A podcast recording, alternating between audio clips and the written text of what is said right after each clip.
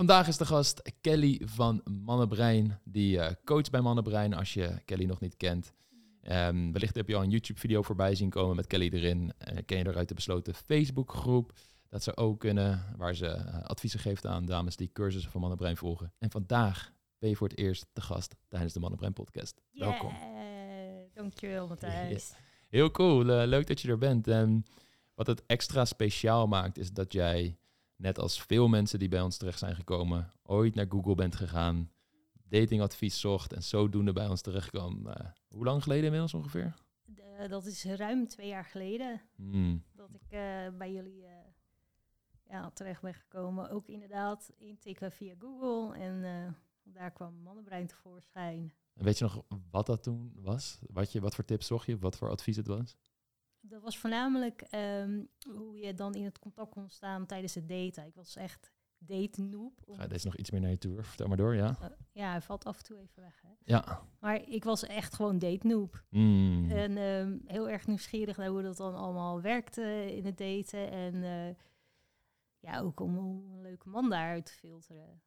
Helder. Ja, en dan kom je op Google terecht, kom je uiteindelijk bij Mannenbrein terecht. Hallo, daar zijn we. Ja, en daar leken ze wel verstand te hebben van zaken. Dat zag er wel interessant uit. Was het, wist je daarvoor dat er überhaupt iets bestond als datingadvies? Was je daarmee bekend? Absoluut niet. Nee, totaal niet uh, mee bezig geweest. Mhm. Nee, pas dat ik echt ging daten en um, een profiel aanmaakte op Tinder, wat ik zelf heel spannend vond. Ja. Uh, de eerste weken liep ik echt heel vluchtig door de winkel in de hoop dat ik niet herkend zou worden. Zo spannend vond ik dat om uh, op een datingsite te begeven. En nou, na een aantal afspraken had ik toch echt wel zoiets van... Uh, goh, daten is toch anders dan in het, in het reguliere leven iemand mm. ontmoeten. Dus hoe werkt dat dan precies? Ja. En daarvoor had je dan wel relaties of, of, was je überhaupt niet met liefde bezig, niet met mannen bezig? Hoe, wat, wat was daar de dynamiek? Ja, ik was, um, ik heb twee lange relaties gehad. Uh, eentje van zeven jaar, eentje van vijf jaar. Dus ik had wel relaties, maar ik had zelf wel uh, ja, een vrij moeilijke jeugd gehad.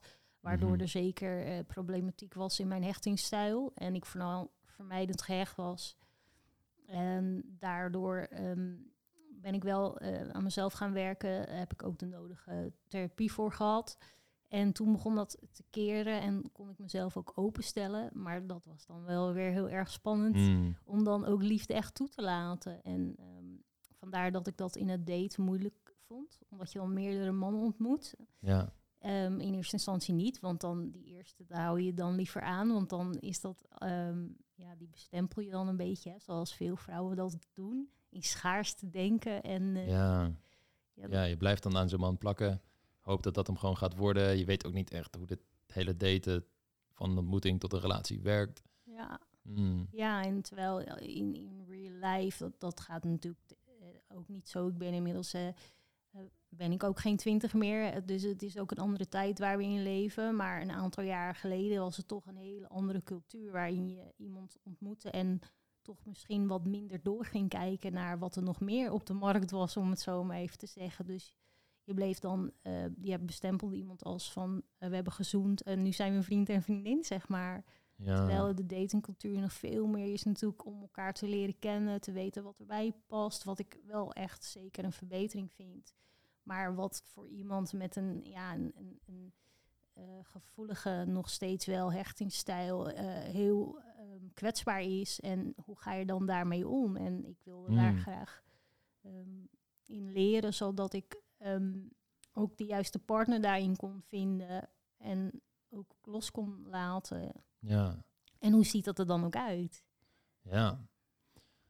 Het is interessant iets, een vraag die ik vraag krijg, is van ja, hoe is de datingwereld en de liefdeswereld veranderd ten opzichte van tijden voordat sociale media en dating apps zo massaal hun intrede deden.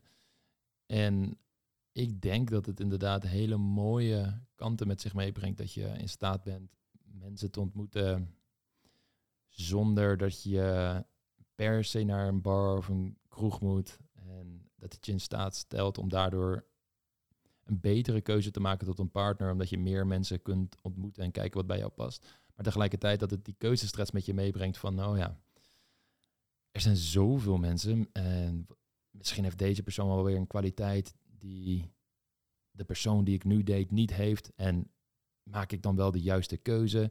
We weten ook uit psychologische onderzoeken dat wanneer je mensen meer keuzes geeft, dat ze vaak het lastiger vinden om te kiezen. En daarnaast, als ze dan eenmaal voor iets kiezen, ook minder tevreden zijn over een keuze dan wanneer iemand minder keuzes heeft of uh, gewoon iets krijgt als het ware van hier, dit, dit is voor jou en je mag het hebben. Dat mensen dan ook later rapporteren veel blijer te zijn met hun keuze of met datgene dat ze hebben. En dat is een, uh, een, fenomeen wat ik heel veel terugzie in het daten van oké, ik kies nu voor deze persoon, maar ik leg me voor grootglas heel erg op de dingen die deze persoon niet heeft. En daardoor focus je meer op de twijfel en de negatieve kanten van die persoon. Waardoor je je sneller gaat ergeren, ook de relatie niet laat floreren tot een soort van mooi, tot de volle potentie die die relatie zou kunnen hebben. Omdat je er maar half in gaat staan. En vooral wanneer je daarin ook nog eens heel veel persoonlijke problematieken meebrengt, onveilig gehecht bent, niet weet wat de blauwdruk is voor een veilige relatie, hoe dat eruit ziet, is het een best wel lastige datingcultuur om je in te navigeren, inderdaad. Ja, zeker. Um, wat er ook gebeurt natuurlijk is in het dagelijks leven, vult je misschien ja, automatisch al wat onbewust gaat. Dan ontmoet je mensen. Maar als je gaat swipen op een, op een datingsite, dan ben je heel bewust ergens naar aan het kijken. Ja. En dan worden mensen even snel beoordeeld op een foto. Maar ja, in het, in het dagelijkse leven ontmoet je mensen en dan springt er net iemand, iemand uit, zeg maar, wat, wat dan toch weer wat makkelijker is voor, je, voor jezelf. En, en je kan dan al, is het wat makkelijker te benaderen, of misschien is het iemand van je werk, of is het iemand in je vriendengroep of van de sportschool. Maar als je dan online gaat kijken, ja, dan moet je echt zo'n eerste stap gaan maken. En, dat wordt dan gebaseerd op een, op een foto en wat tekst en, en een paar berichten. En, en dan ga je kijken en ja, dan kan het tegenvallen of meevallen. Maar dat is heel raar als je dat niet gewend bent. En hmm. zeker inderdaad van, uh, omdat je diegene niet kent, hoe gaat hij reageren? En omdat je dan niet veilig bent vanuit jezelf, uh, uh, leg je dat contact, daar kom je pas achter als je echt contact maakt met iemand. En wat met die triggers bedoel je dat jij kwam er echt, je voelde pas echt dat je niet veilig gehecht bent en misschien zat je meer aan de angstige kant of meer aan de juist niet willen binden kant? Uh, eerst zat ik voornamelijk aan, uh, aan, de, aan de niet uh, binden willen kant. En mhm. toen aan de angstige kant. Nadat ik het gevoel ging toelaten, werd het ah, angstig. En nou ja, zoals ik zeg, heb ik daar veel zelfhulp voor, voor gezocht, veel therapie gehad. En dat werd, toen dacht ik eigenlijk van, hé, hey, het gaat hartstikke goed met mij. En een tijdje mm. single gebleven en toen ben ik weer gaan daten. En toen kwam ik erachter dus dat dat gewoon het, het, het daten, en zoals jij heel mooi zegt, Tinder uh, de spiegel is van je innerlijke belevingen. En hmm. die dan pas getriggerd worden eigenlijk. Dus zo kan je dan jezelf gaan onderwijzen in het, in het daten. En waardoor je eigenlijk in jezelf komt tot de diepere lagen die nog niet geheeld zijn of kwetsbaar zijn. Ja. Jij hebt een hele lange periode therapie gehad, weet ik. Je bent volgens mij in begin twintig jaren ermee begonnen. Ja, klopt inderdaad. Op mijn 21ste, ja.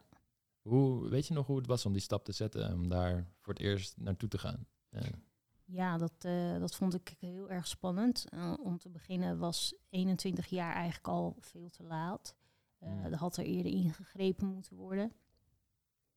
Um, Wat maakt dat je dat zegt? Omdat als je dan teruggaat naar je kinderjaar, waar ja, toch wel het grootste, het belangrijkste gebeurt in, in de hechtingsstijl, ik kom zelf uit een onthecht gezin waar heel veel problematiek was. Um, ja, mijn beide ouders uh, kampen wel met een aantal uh, dingen waardoor zij niet in staat waren een, een, een, liefdevol gezin op te bouwen en een echt gezin te vormen. En ik denk dat daardoor van buitenaf veel eerder aan de bel uh, had getrokken moeten worden. En ik bijvoorbeeld, hoe vervelend dat ook is als het gebeurt, maar uit huis gezet had moeten worden of beter hmm. begeleid had moeten worden. Wat waren de grote thema's voor jou als kind binnen jouw gezin? Eh, was het meer een verwaarlozingskant? Was het meer een, een soort emotionele mishandelingkant? Als wat, wat was de dynamiek die je daar had? Oh, beide aspecten. Hmm. Ja, verwaarlozing, emotionele verwaarlozing. Ik werd niet gehoord, ik werd niet geknuffeld. Ehm, ja, er werd niet van mij gehouden. Ik voelde niet van mij gehouden. Ik voelde me onveilig. er werd niet echt voor mij gezorgd. Ehm, daarnaast ook nog wel redelijk, um, ja, het klinkt natuurlijk vervelend om dit te zeggen over je ouders, dat ze eigenlijk wel al in hun taak als ouder echt gefaald hebben en ook weer door hun problematiek in hun jeugd. Dus Mhm. het is wel weer te verklaren, maar ja, dat heeft het voor mij niet makkelijker gemaakt natuurlijk. Ja, absoluut. En op wat voor manieren zouden mensen wat ze jou dan daarin kunnen hebben begeleid van buitenaf? Want het is natuurlijk in Nederland een vooral nu ehm, best wel gevoelig onderwerp, het uit huis plaatsen van kinderen. En eh, ik denk dat het ook goed is dat het een gevoelig onderwerp is, omdat we volgens mij heel zorgvuldig daarmee om moeten gaan. En dat het niet zomaar moet gebeuren. Maar aan de andere kant, ehm, ik kan me ook wel eh, herinneren, dat is een eh, incident dat ik lang geleden op, op eh, toen ik werkte ik nog op het strand heb meegemaakt, dat was volgens mij een jaartje of 18, dat er, ehm, ik, ik verhuurde toen strandbedjes en zo op het strand. Prima baan, heel lekker, lekker in het zonnetje loop je rond. Lekker Top. genieten. Dat was, was eh, echt top. Maar er kwam opeens een vrouw naar mij toe en die zei, ja, ehm, die man daar verderop met die twee kleine kinderen, ja, ik krijg er geen prettig gevoel bij. Misschien moet je, ja, jij werkt hier, misschien moet je het toch maar ook maar een beetje in de gaten houden. Dus ik vroeg van, oké, wat is er dan? Hij zegt, ja, volgens mij is die een beetje dronken en ehm, hoe die met die kinderen omgaat, ja, dat, is, dat zit niet helemaal pluis. Dus ik, oké, nou, ik zal een oogje in het cel houden, maar ja, ik ben een broekie van 18. eh, wat weet ik hier nou allemaal vanaf? Dus ik dacht, nou, het zal wel. Ik eh, hou het wel een beetje in de gaten van als ik iets geks zie, dan zet, zie, eh, ga ik wel wat doen. Wat gebeurt er vervolgens? Die man met die twee kinderen, die wordt boos omdat het jongetje van, het zal een jaar of zes geweest zijn, zijn duikbril kapot had gemaakt in de zee. Ja, dat gebeurt. Je bent een jongetje van 16, eh, je bent, of 16 van 6, je bent aan het spelen, er gaan dingen kapot. Maar hij kwam daarmee bij zijn vader. En zijn vader werd zo boos dat hij hem een duw gaf. En het jongetje op de grond duwde. En vervolgens tegen hem aan het schelden was. De man van de vrouw die naar mij toe was gekomen van hou een oogje in het cel. Die sprong op uit zijn stoel, die niet verder, verder van weg zat. Is naar die man toe gerend. En die twee kerels die wilden dus bij me met elkaar op de vuist gaan. Waar die twee kinderen bij waren. Een jongetje van zes en een meisje van denk ik jaar vier. Toen ben ik uiteindelijk tussen beiden gekomen. Ehm, die man met die weer terug naar zijn vrouw gestuurd. En eh, wel tegen die man die dat kind op de grond had geduwd. Van hé, hey, wat ik gezien heb, heb ik gezien en dat is niet normaal. Ehm, ik ga de politie bellen. En ik verzoek je om hier te blijven. Maar ja, dat gaat hij natuurlijk niet doen. Ehm, mijn mobiel lag ergens, ergens anders. Dus ik moest toen terugrennen naar mijn strandtent om, dat, om mijn mobiel te halen. Eh, die man pakte natuurlijk snel zijn biezen. Die heeft twee kinderen meegenomen en die wilde weggaan. politie kwam toen met sirenes over het strand aanrijden. En die reden mij voorbij. Terwijl ik echt met zwaaiende armen zo stond van hier moet je zijn. dus dat was dan ook weer, nou, uiteindelijk politie erbij. Die man staande gehouden. En wat bleek, hij had al meerdere incidenten. En er was dus al een, eh, ik geloof bij de kinderbescherming, een rapport en een, eh, een dossier bijgehouden waarin die incidenten gezegd, eh, opgeschreven waren en verzameld werden. En toen werd ik verhoord door de agent van, oké, wat heb je dan gezien? En wat ik heel erg merkte was van, ja, het is zo bizar dat ehm, al meerdere want die agent vertelde een paar dingetjes, eh, wat hij volgens mij niet mocht doen, maar het is wel aan mij verteld. Ehm, incidenten zijn plaatsgevonden eh, waarvan je al weet van ja, als dat gebeurt, dat is zo heftig voor een kind. Wat doet hij nog bij zo'n man? Ja. En dat ze dan van dit soort getuigenissen, verklaringen van mij in dat geval op het strand onder andere moeten hebben als zoveelste incident, zodat ze die kinderen daar eindelijk weg kunnen halen. En kijk, ja, wat eigenlijk een hele leuke, gezellige dag moet zijn met zo'n Ja. gezin. En ik dacht ook, ja, als je op het strand in het bijzijn van zoveel mensen op deze manier al met die kinderen omgaat, Hoe zou het thuis zijn dan? precies. En dat deed mij ook wel echt denken van, wauw, sommige kinderen groeien echt op in een hel thuis. In een, in een plek die zo onveilig is, zo veel angst inboezemt en jouw hele normale ontwikkeling als kind heel erg in de weg staat, dat dat een stempel gaat drukken op de rest van je leven, allemaal zoals je terecht zegt, als je daar niet de juiste hulp bij krijgt. En tegelijkertijd is het ook heel lastig voor instanties om die juiste hulp te bieden, volgens mij, omdat het achter gesloten deuren plaatsvindt. Ouders natuurlijk al allerlei rechten hebben, wat ook logisch is, Ja. want het zijn jouw kinderen. Dus het is, het is een hele moeilijke Een hele moeilijke, gevoelige, Situatie, ja. kwetsbare situatie inderdaad. Ja. En ik ben daarom is het zo interessant dat jij daar zelf in hebt gezeten. En met interessant bedoel ik dan van oké, wat waren er dingen waar jij achteraf van zegt, dat had mij geholpen in die situatie? Ja, zeker. Eh, ik weet nog heel goed ehm, dat ik op school slecht mee kon komen. Ik had echt problemen om me te concentreren. Ik kon slecht in de kring zitten. Uh, ja, er speelde natuurlijk gewoon wel heel veel in mij. En daardoor dacht de juffrouw dat ik, ehm, ja, dat ik niet goed kon leren. En zij heeft mij toen uh, laten testen. Um, daaruit bleek dus dat ik een, een vrij hoge intelligentie had. En dat het dus absoluut niet lag uh, aan mijn uh, bekwaamheid uh, om te kunnen leren. Mm. Maar gewoon dat het echt psychologisch zo drukkend was bij mij. Dat er, dat er geen ruimte was om ook in, in, in een kleurboekje te gaan zitten kleuren. Of naar een verhaaltje te luisteren in een kring. En uiteindelijk is die juffrouw ook ontslagen. Um, dus daar zijn wel uh, gevolgen door geweest. De consequenties zijn daar.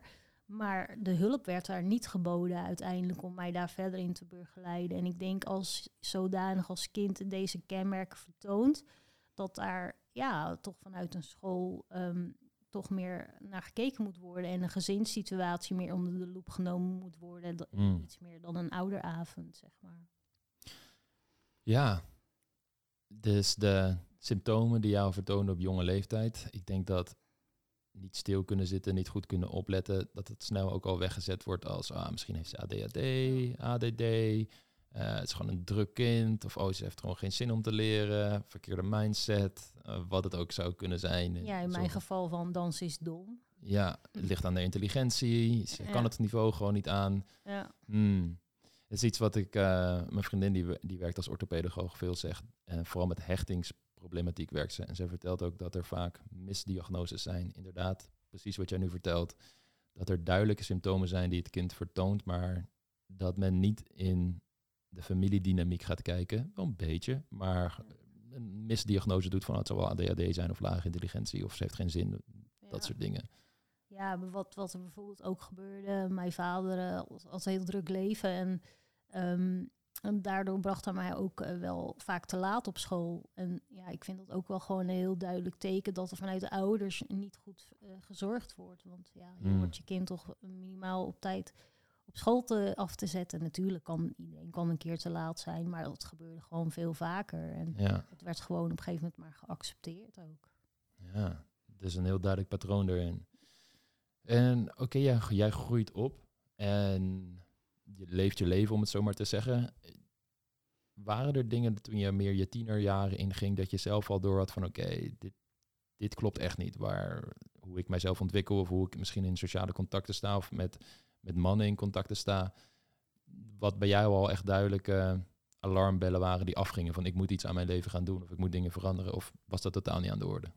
Nee, zelf uh, had ik dat niet heel erg door. Ik had wel in de gaten dat ik iets miste in mijn leven. En uh, achteraf was dat liefde. En, um, maar dat is een hele grote blinde vlek geworden in mijn leven. Omdat ik totaal een verknipte blauwdruk had. Mm -hmm. Maar van hoe het, hoe het leven ja, ook kan zijn in een gezin. En ook niet de voorbeelden om me heen had eigenlijk. Ja. Um, dus het is echt dan op 21-jarige leeftijd dat ik dus uiteindelijk uh, hulp ben gaan zoeken, was ook op verzoek van mijn werk. Omdat ik uh, mezelf gewoon stortte ook in mijn werk. En uh, ik ging nooit op vakantie. Maar ik was wel altijd s ochtends te laat, want ik was altijd moe. Ik was mm. altijd moe en ja, we wisten niet eh, waardoor dat kwam. mijn werk was wel goed, dat, dat was het allemaal niet. Maar hun zagen ook gewoon, ja, er waren wat problemen met concentratie. Uh, inderdaad, uh, geen vakantie nemen, dat soort dingen. Hmm. Dus, en jouw baas heeft toen tegen jou gezegd van, hé, hey, neem maar eventjes vrij. Ja, nee. heb je dat nodig. Ja, ga even lekker, even lekker thuis bijkomen. neem de tijd. als je wil praten, dan um, vang ik je op. Ik communiceer dat dan ook naar personeelszaken. Hoef jij geen verantwoording naar hun af te leggen. En kijk gewoon even hoe je je voelt. En ik wist dat er veel was uh, geweest in mijn leven, dat er nog steeds veel speelde. Maar niet precies wat en hoe erg het fout was. Het enige wat ik zei was, als ik nu hier aan toegeef, komt het nooit meer goed. En waar aan toegeef? Aan het gevoel wat er was, uh, aan het verdriet of het, mm. uh, de, het gemis in mij, waardoor ik dus ging overcompenseren door me te storten in, in, in werk. Het was niet alleen het werk, ook daarna sportte ik elke dag. Eh, ik ging laat naar bed daardoor, er was veel onrust. Ja. En dat gevoel, was dat dan een soort spanning slash stress die constant aanwezig was in je leven? Of kon je die af en toe naar de achtergrond verdrijven op het moment als je bijvoorbeeld in je werk stortte, maar zodra je weer thuis was, dan speelde het weer op? Was, was, hoe, hoe was dat? Ja, ik kon, uh, het, het, was een, een afleiding, een geestelijke afleiding, waardoor ik mij lichamelijk gewoon ging uitputten. En daardoor was ik dan ook um, te laat vaak op het werk. En dus op een bepaalde manier kan je het parkeren, hmm. maar onderliggend blijft het gewoon wel aanwezig. Ja. En dat, dat, dat komt dan in andere dingen naar buiten. Maar ja, je bent daar gewoon zo niet bewust van eigenlijk wat, wat er dan aan de hand is. Want je kan je vinger er niet op leggen. Ja. En op een gegeven moment krijg je dit dus te horen van je baas. Ben je toen thuis hierover na gaan denken van hm, misschien is het toch wel tijd dat ik hulp ga zoeken? Ja, zeker. Uh, ik wist natuurlijk dat er veel niet goed was gegaan, maar niet echt daadwerkelijk impact dat dat heeft op je leven. En dat je die rekening eigenlijk op latere leeftijd pas echt gaat betalen. En dat, dat, bedoel ik dan van als je jong bent, dan hoef je nog niet zo over de serieuze zaken in het leven mhm. na te denken. Hè? Dus dan ontgaat het je allemaal nog wat. Maar op het moment als je echt eh, een fundament in je, in je leven moet gaan bouwen, dan merk je dat je labiel bent. En ehm, ik was zelf wel heel krachtig. En dat was ook het vervelende. Dat ehm, uiteindelijk, wat ik zei, het bleek dus niet dat ik dom was. Want ik ben uiteindelijk getest en ik heb een IQ van 137, waaruit dus weer aangaf mhm. dat het echt absoluut niet aan mijn intelligentie lag. Maar daaruit heb ik mezelf op mijn intelligentie heel ver weten te krijgen, maar niet mijn innerlijke belevingen, mijn gevoel kunnen laten ja, voelen in mezelf. Dus ik ging een beetje door op mijn intelligentie. En zo heb ik dus ook wel een beetje ehm, de, de psycholoog om de tuin weten te leiden. Want ik kon het heel mooi vertellen. En ik wilde voornamelijk ook sterk overkomen. Want ik kon als kind niet kwetsbaar zijn. Want dat was dat, dat, dat bracht mij nergens. Namelijk, ik moest juist sterk zijn. Dus ik kon me ook niet helemaal openstellen daar. En er was wel een kreet om hulp in mij. Maar ik durfde er niet te komen en ik hmm. ging weer door. Ah. Hoe was het dan, jouw eerste paar sessies uh, bij een therapeut? Kun je dat nog herinneren? Ja, ja dat was uh, sowieso spannend uh, om jezelf zo open te stellen naar iemand die je helemaal niet kent. Ik bedoel, dat kon ik niet eens bij mijn ouders. Dus dan moet je dat naar, naar een vreemde doen. Ja. En ehm, ja, we hebben wat gesprekken gehad en uiteindelijk, uh, ja, er kwam wel wat verdriet vrij. En, maar toen kwam eigenlijk echt het besef van, wauw, dit is echt niet oké wat hier allemaal is gebeurd in mijn leven. En ehm, hoe kwam dat besef? Hoe kwam er opeens een soort waardeoordeel over de gebeurtenissen in jouw leven die daarvoor niet plaatsvond? Nou, doordat iemand me moest vertellen hoe het wel hoorde te zijn. En dat wat er. Uh, als, je, als je jong bent en je groeit daarin op, ga je twijfelen aan jezelf. Ja. Je weet dat iets niet goed is, maar. Je voelt het. Ja, ja, je voelt het.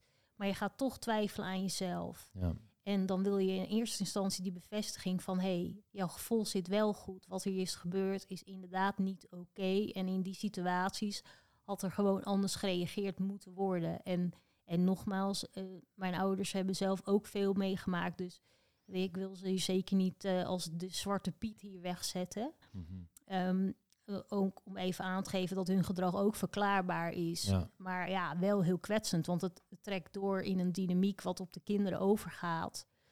En, um, maar ja, de bewustwording kwam. En, um, maar ik kon dat zo goed weer relativeren en plaatsen. Maar nog steeds was er niks verwerkt. Maar omdat ik dat kon, dacht zij van dat zit wel weer goed met haar, zeg maar. Hè. Ze is uh, geholpen met de sessies die wij hebben gehad. En toen werd ik weer um, vrijgelaten, zomaar het even te noemen. Ah. Ja, het is een interessant iets wat we natuurlijk. De bewustwording is een eerste stap, zoals je zelf terecht zegt, maar nog geen verwerking. En dat verwerking aspect zit hem vaak door niet alleen op het rationele bewustwordings niveau te werken, maar inderdaad veel dieper naar te gaan van oké, hoe zijn, wat zijn de emoties die ik in mijn lichaam heb opgeslagen? Wat zijn de triggers die ik nog continu ervaar, die die emoties weer naar boven halen? Hoe ben je daar uiteindelijk mee aan de slag gegaan? Um, niet. Om het zo maar even te zeggen. Uh, voornamelijk uh, veel weggestopt. En, uh, dat bleef je doen na die eerste sessies die je gehad hebt? Ja, ja, omdat mijn wereld was gewoon totaal niet veranderd. Ik zat nog steeds ja. in dat onthechte gezin, niet wetende hoe ik mijn leven moest gaan opbouwen eigenlijk. Um, ja, ik heb wel gelukkig heel veel moois uit, uit een sport gehaald. Waar um, ja, waar ik toch mezelf wel kon uitdagen en goed kon voelen. En dan is dat dan de paardensport en ook dan liefdevol van de dieren, waardoor ik dan toch een bepaalde vorm van uitlaatklep had en ook wel mijn um, eigenwaarde opbouwde en mijn zelfvertrouwen heel erg groeide. Hmm. Dus dat is wel een heel groot voordeel geweest. Maar nog steeds dat zelfdragen in eigen kracht, waar totaal geen genezingen plaatsgevonden.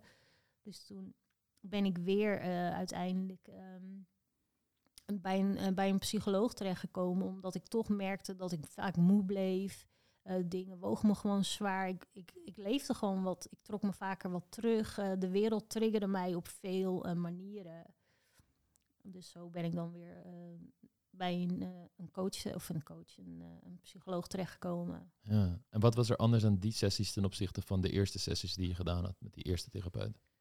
Um, nou ja, eigenlijk niet zo heel veel. Um, mijn leven is toen in kaart gebracht. Uh, dan hebben we een, een, ja, ik, ik ben even kwijt uh, hoe je dat noemt, maar dan wordt op een heel groot stuk papier wordt, uh, een tijdlijn aangegeven van welke gebeurtenissen wanneer plaats hebben gevonden, wat die gebeurtenissen waren. Mm. Um, en eigenlijk na dat afgerond hebben, was ik weer klaar. Mm. Nog steeds was er die, die, die innerlijke pijn, dat, eh, dat, dat, dat kwetsbaar kind wat er nog steeds in mij zat, was, ja, dat, dat was, er was geen helend momentum uh, plaatsgekomen.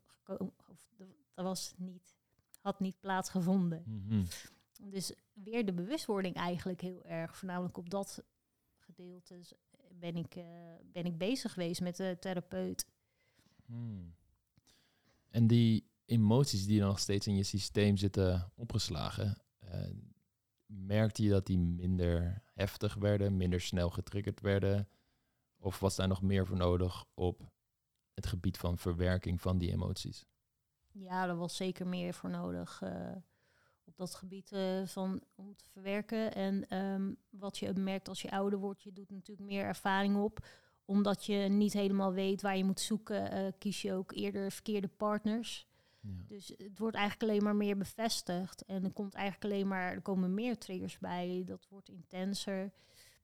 En pas uh, later um, met echt de goede, de juiste therapie. Want ik, ze konden mij heel moeilijk diagnosticeren, omdat ik uh, ja, heel rationeel kon, kon praten over de dingen. En mm. slecht kwamen bij wat er in mij innerlijk speelt. Dus ik wil ook echt niet alleen maar um, de, de psycholoog hier uh, slecht wegzet. Helemaal niet. Want het mm -hmm. was ook gewoon een muur wat ik zelf omhoog had getrokken. Ja. En, en pas op latere leeftijd, dat je merkt dat je eigenlijk gewoon een liefdeloos leven hebt, dan begin je echt dingen te missen. En dan kom je tot de ontdekking dat, dat je, ja, dat, dat er niet alleen in je, in je leven um, dingen fout zijn gegaan, maar ook innerlijk aan de slag gegaan moet worden met verwerken. En hoe hoort het er dan wel uit te zien? En waar zit het verdriet?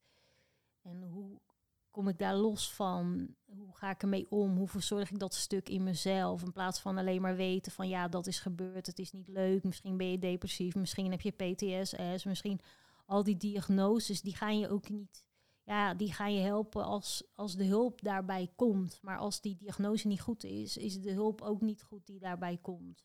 Ja. Dus dan kan je iemand inderdaad medicatie geven. Bijvoorbeeld voor een depressie, wat, wat, wat ik nooit heb genomen. Maar dan.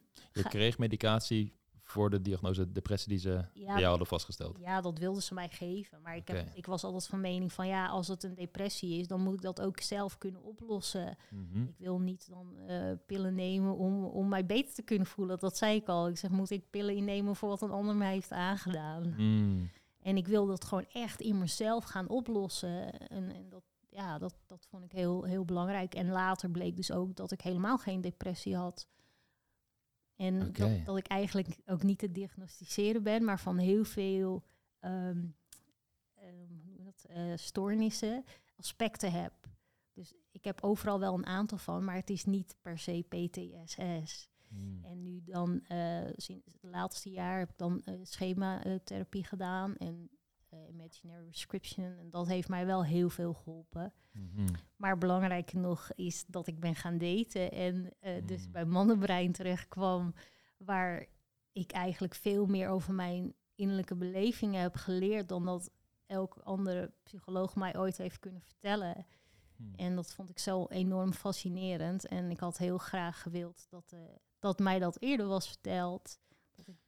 Dit is het interessante. Zo zijn wij uiteindelijk ook met elkaar in contact gekomen. Dat jij reageerde op een mail, geloof ik, die we toen de tijd hadden gestuurd. En jouw visie over persoonlijke ontwikkeling, groei en het verwerken van negatieve gebeurtenissen uit het verleden deelde. En als het ware jouw visie ook op wat wij met mannenbrein deden. En wat was het dan precies wat anders was in deze eh, adviezen die je niet meekreeg bij die therapeutische sessies die je in het begin hebt gehad? Ja, je leert jezelf op een, op een andere manier kennen. Eh, het verschil was dat er... ehm, je wordt veel meer... Ten eerste moet je het zelf doen. Jullie eh, vertellen het dan eh, hoe, je in het, hoe je in het date moet staan. Want daar kwam het ook. Daardoor kwam ik bij jullie terecht, omdat ik dat spannend vond. En in Mhm. contact met een man dat, dat los, loslaten, daten, loslaten als, als diegene dan ook niet is. Hè, dus niet gelijk iemand bestempelen, de eerste beste, dat is eh, de man eh, waar ik mee ga trouwen. En, ehm, maar vooral eigenlijk dat al, dat jullie dat leerden van, hey, weet je, ga ook kijken wat er bij je past. En, maar die angst die wilde natuurlijk wel eh, graag vasthouden aan iemand. Want dan, dan dat was ik ook, zo had ik dat ook gezien. En ook al was het niet goed, mijn ouders bleven dan ook wel bij elkaar in verkeerde relaties. Dus dat was voor mij normaal, ook al was het niet heel gezond. Je Ja. bleef bij elkaar. Of hè, n- Ja. ook al had je ruzie. En bij mannenbrein kreeg ik heel erg dat inzicht van... hey, weet je, je kan gewoon... Ga, ga filteren, ga kijken wat er bij je past. En toen merkte ik dat ik ook echt moest leren eh, loslaten. En daaruit kwam weer een pijn van... hey, ik heb... ehm, in mijn jeugd, ehm, ik werd bijvoorbeeld ook als achtergelaten. Dan ging mijn vader weg. En dan was ik alleen daar. Waar? Thuis gewoon? Of? Nou ja, op, op, de, op de manege dan. eh, en dan had hij me een paar keer geroepen en dan kwam ik niet. Maar ja, hij kwam ook wel eens wel. En dan zat hij nog twee uur te praten. Dus ik dacht, ja pap, eh, ik blijf nu even lekker spelen. Want jij zit toch nog eh, twee uur te praten. Dus. Maar was hij een keer zo boos. En toen heeft hij mij of gewoon achtergelaten. En hij ging ook wel s'nachts weg als ik lag te slapen. En dan werd ik wakker en dan was er niemand. En die verlating, die kwam terug in de relaties. Maar Hmm. die, die, dat, die koppeling kon ik toen pas maken eigenlijk. En dan wordt er ook van mijn brein gezegd, weet je, als dat je zo triggert, wat gebeurt er bij jou binnenin dan? Wat zijn de innerlijke belevingen? En toen kon ik dus het, het, mijn jeugd koppelen met het heden. En dat is iets wat ik niet kon bij een, bij een psycholoog. Er werd alleen maar gekeken naar een patroon, maar niet hoe ik ook daarmee om moest gaan eigenlijk. Want je hebt wel daar je op een heel groot papier je tijdlijn van jouw leven in kaart gebracht. Zoals we dat bij Mannenbrein zouden zeggen, je oude verhaal in kaart gebracht. Ja. Dat is eenzelfde soort stap zoals wij dat doen. Alleen ergens hoor ik dan dat nog steeds de koppeling ontbrak met in hoe, je, hoe jij in het hier en nu op bepaalde situaties reageert. Terwijl Ja. ik zou denken dat dat een van de kernessenties is van het hele doel om jouw oude verhaal in kaart te brengen en zo'n tijdlijn te maken, zodat je jezelf beter gaat begrijpen en daardoor beter jouw reacties in het hier en nu op de wereld en andere mensen gaat begrijpen. Maar die klik ging dus pas vallen toen je bij ons terecht kwam, ook weer aan het daten was, getriggerd werd en dan aangespoord werd vanuit de mannenbreinadviezen van, oh, als er een trigger zit, dan zit die waarschijnlijk aan iets vast. En datgene, dat wil je in kaart gaan brengen. Daar wil je, dat wil je uit de duisternis halen, in het licht, zodat je het kunt gaan verwerken. En zolang je het maar weg blijft stoppen, zal het altijd op de achtergrond jouw gedrag gaan sturen. Maar zit jij niet achter, de stuur van, achter het stuur van je eigen leven, maar meer op de achterbank, terwijl die ja. diepe verlangens, angsten, de hele tijd je gedrag overnemen op het moment dat ze geactiveerd worden. Ja, klopt. En zolang jij natuurlijk um, nou ja, in de eerste de beste relatie blijft hangen, om het zo maar even te noemen dan, dan gaat het allemaal wel een beetje jouw manier. En dan ehm, is dat wel wellicht een, een ongezonde uh, relatie, maar dan word je nog niet zo getriggerd, want dan gaat het allemaal wel in het oude patroon verder. Maar vanuit mannenbrein werd vooral ook heel erg geleerd om, en in het daten werkt dat ook niet, want dan heb je ook meerdere dates. Want het, het voegt ook niet gelijk, omdat je elkaar ook niet kent. Dus je weet totaal nog niet echt met wie je te maken hebt. Dus de kans is ook veel groter dat je niet volgt. Dus dan hmm. leer je te herkennen van hé, hey, het is dat persoon is het ook niet, maar als het wel een beetje is, hoe ga, ik dan daarmee om? En hoe kan ik zo lang met iemand daten zonder dat ik begin te freaken? Bijvoorbeeld van, oh, vindt hij me wel leuk? Oh, hij bericht niet of zo. dus dan, dan ga je op een andere manier sta je, sta je daarin dan dat jij gewoon een relatie hebt in eerste instantie met de eerste de beste. Hmm. Dan blijft het allemaal wel veilig. Net als dat je niet gaat daten en je denkt dat je aan jezelf hebt gewerkt, wat super goed is. en dat werkt ook zeker, maar je komt er pas echt achter zodra jij geraakt wordt in jouw triggers. En dat gebeurde in het daten. En mannenbrein leerde mij heel duidelijk inzien van waar die triggers dan precies vandaan kwamen. Waardoor ik ook weer uh, goede vervolghulp bij een psycholoog kon zoeken. En ja, nu gewoon echt wel heel gezond kan daten, laat ik het zo zeggen. Hmm. Dat is ook de hoofdboodschap altijd. Van ja, het zit hem niet zozeer in datingadvies versus therapie-sessies of dat het ene, de ene therapievorm per definitie beter is dan een andere therapievorm. Het is heel erg de therapeut afhankelijk van de persoon die jij voor je krijgt. Hoe bekwaam zij zijn, de connectie die je met hen hebt, of jij je op je gemak voelt, of jij je begrepen voelt. Al, al die zaken die daarbij komen kijken. Maar daarnaast ook, als er alleen maar gefocust wordt op de, de dingen die jij hebt meegemaakt en dat proberen te neutraliseren, weet je nog steeds niet hoe het wel moet. En dat is voor mij een stukje wat je helaas nog niet op brede schaal te krijgen is. Ja, wij doen het in onze YouTube-video's en cursussen en coaching sessies. Maar wat mij bijvoorbeeld heel erg hielp, en het, um, op zich snapte ik wel wat een veilige basis in een relatie was en hoe je dat kon onderhouden, voor zover ik dat uh, als 18-jarige, 19-jarige, toen ik mijn eerste langdurige relaties kreeg, kon weten op die leeftijd. Want je doet nog steeds domme dingen, maar dat hoort erbij. Ja, dat mag toch ook al een beetje als je jong bent. Ja, het zou ook gek zijn als je dat niet doet. Ook later gebeurt het allemaal nog een keer. Oh, absoluut. Ja, absoluut. Alleen ik denk dat de intensiteit van de dingen die je doet misschien afneemt of uh, dat je er beter mee om kan gaan. Maar wat mij in ieder geval heel erg hielp, was dat ik voorbeelden kreeg te zien van um, datingadvies voor mannen, waarbij ze bijvoorbeeld een voorbeeld gaven van een flirtzin of een voorbeeld van een script hoe je een moeilijk gesprek kan voeren over iets wat je lastig vindt. En op het moment dat je dat soort hele pragmatische, praktische dingen ook bij je krijgt, dat vervolgens in de praktijk gaat brengen en wellicht een uitkomst krijgt die je normaal met je oude gedrag nooit gekregen had, dan gaat er iets klikken van, oh, wacht eens eventjes. Met nieuwe informatie en nieuwe gedragspatronen gaat de wereld om mij heen anders op mij reageren. En daardoor ga ik andere uitkomsten krijgen en verander ik die wereld om mij heen. En is het eigenlijk veel meer stuurbaar over of ik in gelukkige relaties terecht ga komen en wat voor personen ik ontmoet en of ik een diepe connectie met die personen kan krijgen, dan mij vanuit maatschappijovertuigingen ooit is aangeleerd. Want ik weet nog heel goed toen ik gewoon op school zat.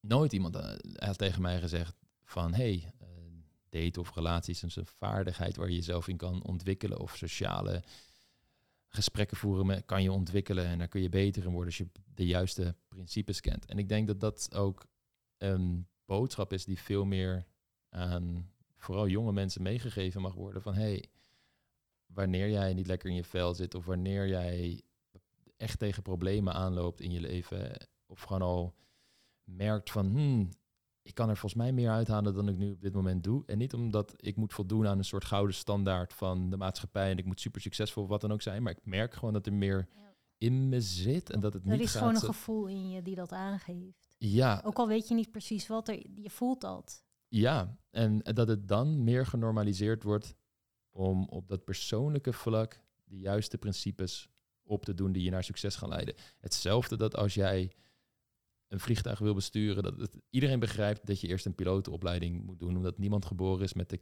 kennis om een vliegtuig te besturen.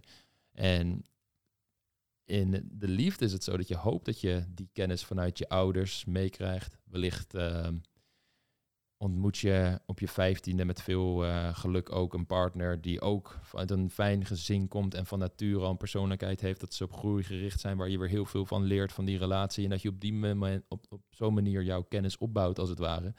Nou, heel veel mensen denken dat de liefde iets is wat dat is er gewoon. En dat, eh, ja, daar hoef je eigenlijk niks voor te doen. Dat, eh, dat is er gewoon. En je probeert misschien wel een betere versie van jezelf te zijn, maar daar probeer je niet actief aan te werken. Dan is het geknutseld of dan is het gek.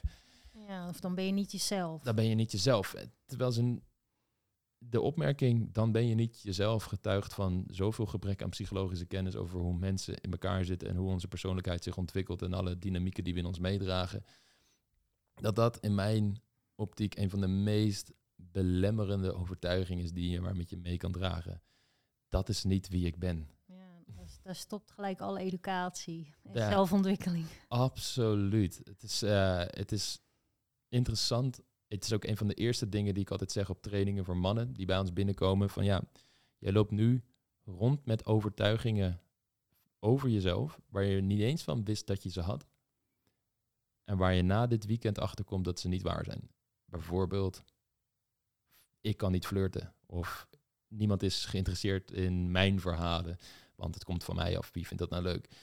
En als je dan met die kerels aan de slag gaat, en je doet wat oefeningen met ze en je coacht ze echt in sociale dynamieken.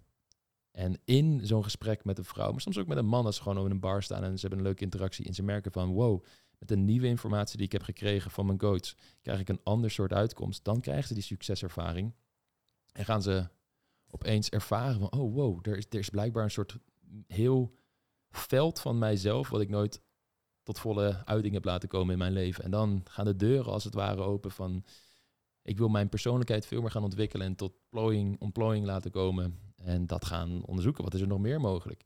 Dat is een van de mooiste dingen, denk ik, die eh, je maar kunt hebben. En wat te weinig gepromoot wordt bij kinderen. Ja, Ja. onderwezen wordt op scholen. En Ja, want hoe kijk jij daar dan tegenaan, Matthijs? Hoe zou jij dat eh, willen onderwijzen op school? Hoe ver zou je daarin willen gaan? Hè? Als je kijkt naar de blauwdruk. eh, er zijn gelukkig ook genoeg kinderen die wel in fijne gezinnen opgroeien. ja, Maar ja, zou je, is ook helaas een hele grote groep die dat niet mee mogen maken.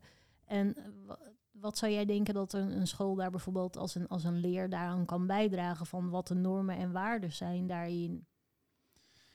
Ja, het is een hele interessante kwestie. Ik heb zelf toen ik nog studeerde gewerkt voor een organisatie Remind. En Remind is een organisatie die studievaardigheden aanleert aan middelbare scholieren. Dat, en daarnaast ook heel veel met zelfontwikkeling bezig is. Dus leggen ook uit hoe je je wilskracht kunt vergroten en hoe je beter kunt onthouden. En allerlei hele praktische zaken, maar ook wel dingen op het gebied van zelfbeeld.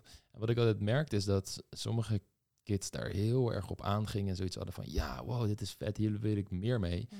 Ehm, maar soms waren de, de kids die wellicht het hardst nodig hadden, die zich ook het hardst hiervoor afsloten. En nodig hebben is dan natuurlijk van mijn optiek dat ik zie van wow, jij loopt zo erg tegen een soort fixed mindset aan. Wat betekent dat je gelooft dat je nou eenmaal bent zoals je bent en je niet kan ontwikkelen en het leven is oneerlijk en bla bla bla. En het is heel lastig om ze dan te vertellen dat het meer, meer mogelijk is. En ze een soort van, Ja. dan gaat het weer aanvoelen als school, weet je wel? Van, Mhm. oh ja, Het is een leer dan, Ja, ja. geen gevoel misschien. ik kan mezelf ontwikkelen, ja. Hè, al die clichés die nu voorbij komen, maar wie ben jij om dat mij te vertellen? Wat weet jij nou van mij? En noem maar op. Maar waar we achter kwamen was dat als we hen ook in die schoolomgeving een kleine succeservaring konden geven op dit gebied, dat ze dan opeens heel anders in die les gingen staan. Om je een voorbeeld te geven, we lieten ze bijvoorbeeld dan uh, tien woorden onthouden. En dat lieten we dan één keer zo voorbij komen. En dan moesten zij opschrijven wat woord 1 was, wat woord 2 was, wat woord 3 was. Nou, dat hadden ze dan meestal niet heel veel goed. Maar vervolgens leerden we hen een techniek die ook onderwezen werd en gebruikt wordt op geheugenkampioenschappen. Hele mooie visualisatietechniek. vervolgens gaven ze 20 woorden, nieuwe woorden, moesten ze die gaan onthouden. En percentueel hadden ze dan altijd meer woorden goed dan die eerste keer. En dan zag je ze ook oh, vaak van, wat, het werkt. En oh, wow. en dan kon je in, in uh, nou ja, wat zal het zijn, 20 minuten, half uurtje tijd, kon je ze een succeservaring geven. Uh, die hen echt aanspoorde om anders naar zichzelf te gaan kijken. Wat op een heel ander niveau is, namelijk een emotioneel niveau dan alleen maar het ratio en het hé, hey, er is van alles mogelijk en bla bla, waar ze dan op dat moment gewoon niet voor openstaan. En wat ik denk is dat we naar een systeem zouden moeten gaan waarbij we hen ook gewoon meer laten ervaren. Uh, en hoe dat er dan precies uitziet, ja, dat is een, een. Ik weet dat daar heel veel mooie initiatieven zijn. Ik weet bijvoorbeeld eh, van een um, initiatief, de, de Now School. Um, ik geloof dat het in de buurt van Hilversum is. Die bijvoorbeeld veel meer kijken hoe je weer in contact komen, komen met de natuur. Uh, en ik weet dat er heel veel in, meditatie-initiatieven zijn op scholen. Dus ik weet wel dat er in ieder geval meer bewustzijn op komt dat dit belangrijke dingen zijn om te leren. Mhm. Maar hoe je het exact doet, ik denk dat het dus echt veel meer op ervaringniveau moet gaan zitten in plaats van alleen maar een rationele kennisoverdracht. Ja. Want dat gaat niet de emotionele knoppen indrukken die nodig zijn voor echte verandering. Nee, ik snap wat je bedoelt. Ja, we leren natuurlijk uh, rekenen op school, we leren taal. Maar we leren dan niet hoe het zit met uh, onze emotionele beleving. En ik denk ook dat, zeker in tijden als nu, waar toch wel vaak twee verdieners zijn, en misschien daar wat minder uh, ja, emotionele ondersteuning is vanuit huis op bepaalde momenten, dat dat vanuit een school toch wel een, een bijdrage kan zijn. Ja, en dat is ook een van de moeilijkste dingen. En er spelen hier ook zoveel variabelen een rol bij. Als je gaat kijken naar die mooie documentaire klasse. Uh, heb je die gezien toevallig? Ja, één keer een stukje. Ik weet, het vraagt me niet precies, maar ik vaag weet ik ervan. Ja, wat, wat daar mij heel erg uit bijbleef, is dat de um, omstandigheden waarin je opgroeit, niet alleen van hoe warm je gezin is, maar ook gewoon het geld dat beschikbaar is. Bijvoorbeeld als, als beide ouders vijf dagen in de week moeten werken om het gezin te kunnen onderhouden. En dan wordt het automatisch ook alweer lastig om bijvoorbeeld bijles voor je kind te verschaffen of om zelf de, vooral de jonge jaren van dat kind genoeg aanwezig te zijn om het kind de liefde en de aandacht te geven die het wellicht nodig heeft om het zichzelf optimaal te ontwikkelen. Uh, hoe is de structuur binnen dat gezin? Is er veel stress omdat de ouders wellicht niet met elkaar kunnen opschieten en er veel ruzie is?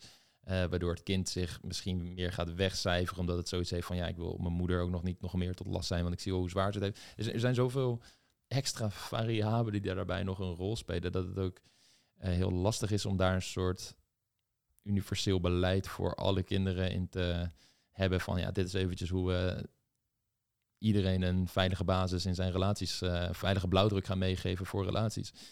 Maar dat het gesprek in ieder geval op, op gang moet gaan komen en dat we op een andere manier naar moeten gaan kijken, uh, dat lijkt me heel evident. Ja, ja zeker. Dat, dat lijkt me ook. En natuurlijk is, is er ook geen één standaard recept wat voor, wat voor alles werkt. En, en, en het betekent ook niet dat als twee verdieners zijn, dat de kinderen emotioneel tekort komen per definitie. Mhm. Dat ook zeker niet.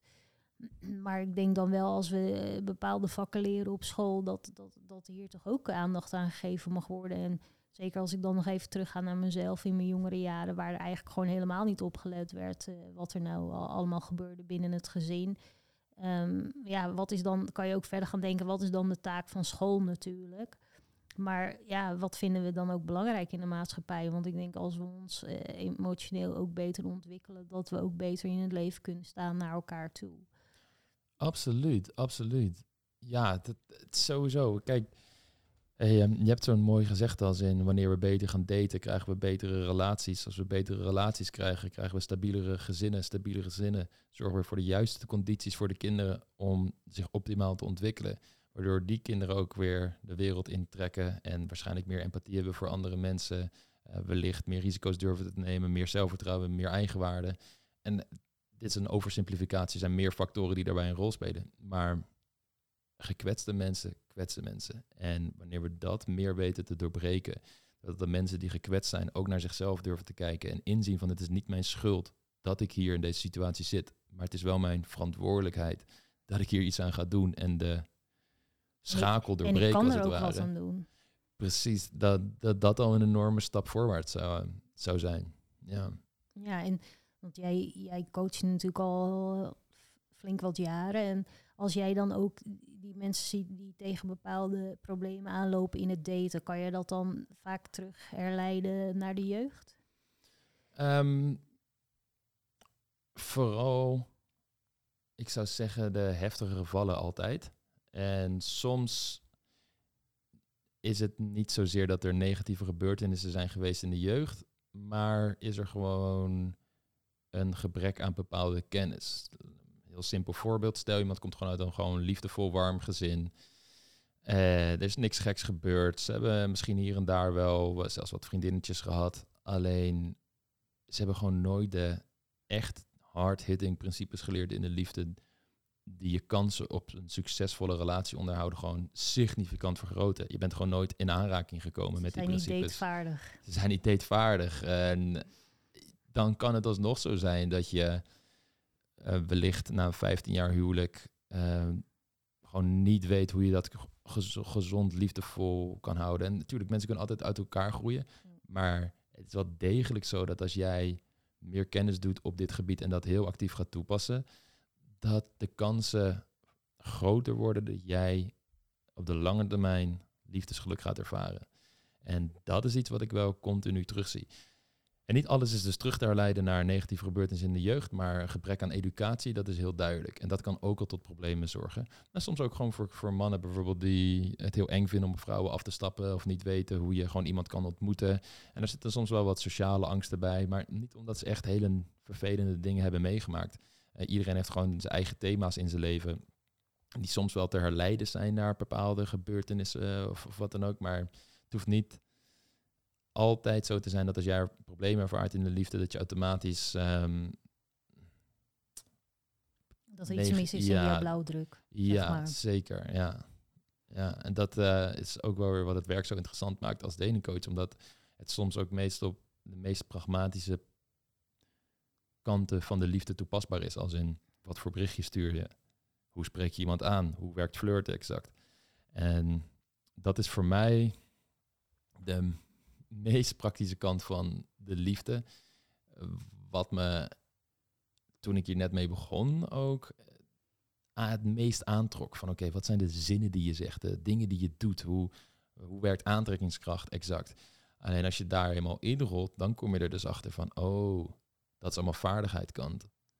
Maar als je je waardigheid niet op orde hebt, je zelfbeeld, je zelfvertrouwen, je eigen waarde, dan kun je alsnog in relaties of tijdens het daten zo erg overweldigd worden door bepaalde triggers die je tegenkomt, dat je niet eens meer in staat bent om die vaardigheidskant goed uit te voeren. Of zo erg aan jezelf twijfelt, uh, dat dat altijd in je subcommunicatie zal doorschijnen, waardoor je niet de meest aantrekkelijke versie van jezelf bent en daardoor helaas ook personen zal aantrekken die ook niet de meest aantrekkelijke versie van hunzelf zijn. En daarmee bedoel ik soms dat ze heel erg reageren vanuit een oud verhaal en allerlei destructieve patronen met zich meedragen. En dat je daardoor dat soort mensen gaat aantrekken, uiteraard nog gekwetster uit zo'n relatie komt. Ja.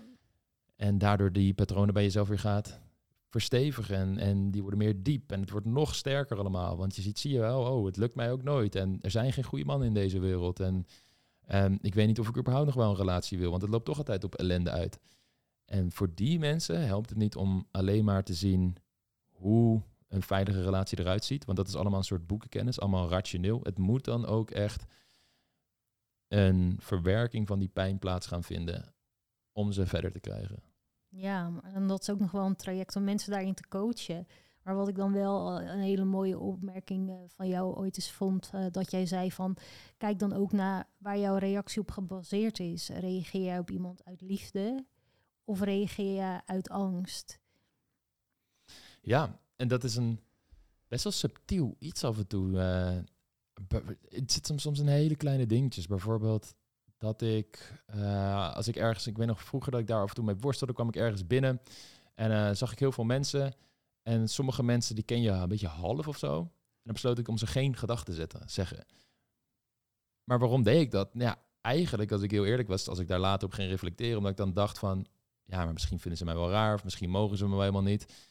En daarmee wijs je jezelf al af in zo'n situatie zonder dat het leven daartoe de kans krijgt. Dus je bent dat al voor. Mhm. En wat ik me toen besefte is van ja, je handelt dan eigenlijk dus heel erg in lijn met angst of uit angst. En hoe zou mijn meest liefdevolle zelf willen zijn in zo'n situatie? Nou, in ieder geval handelen vanuit het soort hoogste goed, een soort ideaalbeeld voor waarvan ik in geloof dat als ik mij zo, als ik dat in ieder geval nastreef, ik hoef het niet continu te belichamen, dat is onmogelijk. Maar als ik het in ieder geval nastreef in mijn gedrag, zal het waarschijnlijk een, positieve impact hebben op mij en alle mensen in mijn directe omgeving. En dan zou het gewoon gedag zeggen zijn. Als ze me niet mogen, is dat oké. Ja. En soms zit het in dat soort hele kleine situaties al. Maar als je daar eventjes bij pauzeert en gaat kijken van oké, wat betekent dat? Waar, waarom gedraag ik mij zo in die specifieke situatie? Waar is mijn keuze op gebaseerd? Kan het een springplank zijn naar diepere overtuigingen en patronen in je leven?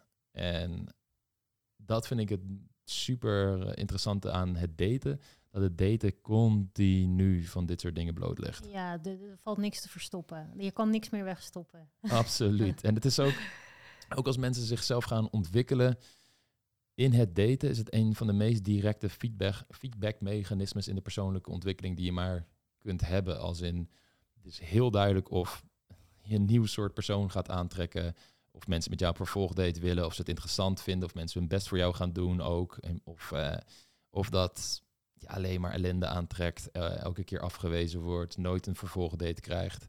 De feedback is heel hard. Het is denk ik een van de meest persoonlijke gebieden in ons leven die, je maar, die er maar zijn.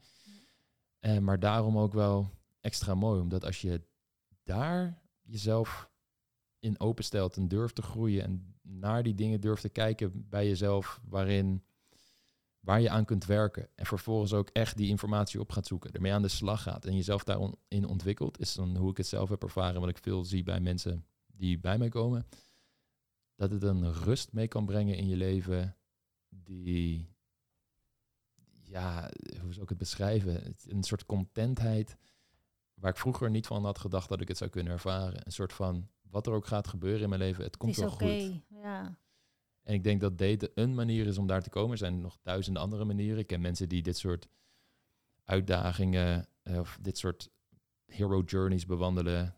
Omdat ze bijvoorbeeld een ongeluk krijgen of een ziekte krijgen. Wat een hele perspectief op het leven en op zichzelf verandert. Of door zichzelf fysieke uitdagingen te stellen, zoals het rennen van uh, marathons en, en dat soort zaken. Er zijn heel veel verschillende manieren volgens mij om daar te komen. Daten is zeker niet de enige, maar ik denk dat het wel een hele mooie manier is om aan zelfontwikkeling te doen. Ja, en, en daten is natuurlijk ook weer wat je het meeste terugbrengt naar de, naar de kind-oude dynamiek uh, daarin.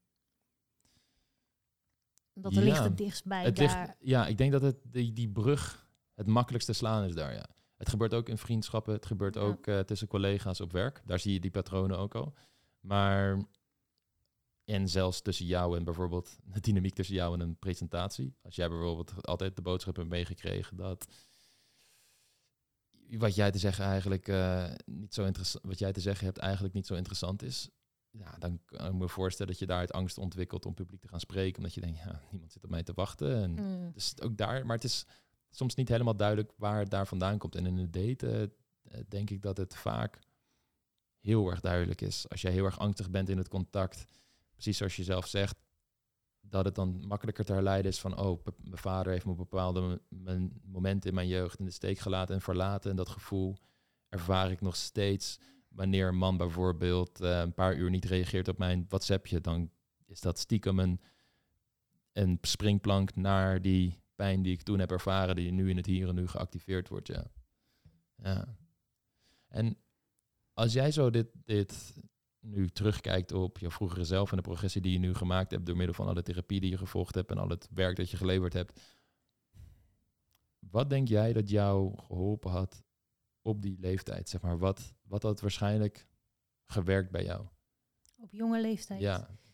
ja dat ik gehoord was. Dat er, dat er iemand uh, had, had ingesprongen en um, Ja, ik, ik vind dat ehm, ehm, moeilijk om te zeggen, omdat er natuurlijk ook kinderen uit huis geplaatst zijn die daar enorm veel verdriet eh, van, van, van hebben gekregen. Ja, Maar ik ben zeker van overtuigd dat is net bijvoorbeeld als dat ouders eh, dat het niet goed gaat. En dan uiteindelijk ben ik echt van mening dat je dan beter goed uit elkaar kunt gaan.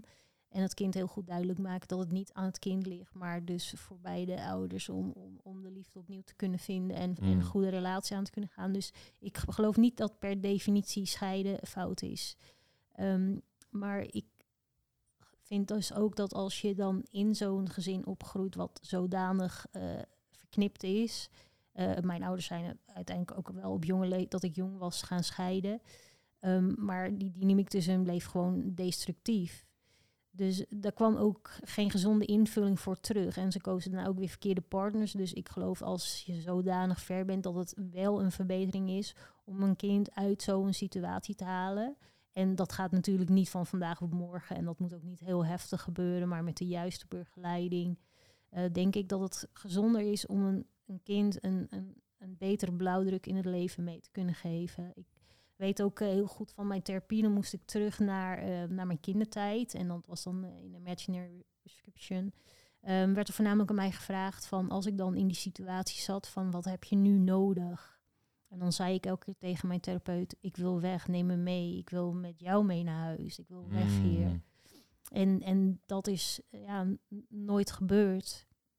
Mm. En, maar dus wel, kijk, en dat kan ik nu zeggen als volwassene, hè, want stel je voor, ik vind, dat, ik vind het een heel kwetsbaar onderwerp, want ik kan natuurlijk ook eh, uit, stel je voor, ik ben, was wel uit huis geplaatst. En, ik, en ik word volwassen en ik leer mijn ouders kennen. En hun zijn niet mijn ouders geweest op dat moment. Dus misschien kan ik het wel heel goed met ze vinden, vriendschappelijk gezien. Ik zeg maar wat. Dus hebben ze mij ook niet eh, dat verdriet aangedaan. En zeg ik van, ja verdorie, waarom ben ik uit huis geplaatst? Mm. Dus ik, ik vind dat heel moeilijk om daarover te oordelen. Maar Ja. ik denk in mijn geval dat het beter was geweest als ik inderdaad eh, uit huis geplaatst was.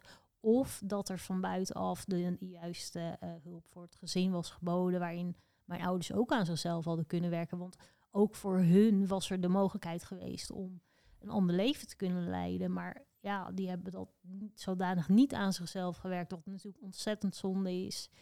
En ja, dus het mooiste zal het geweest als het hele gezin naar een hoger niveau was getild, zeg maar. Ja, Ja.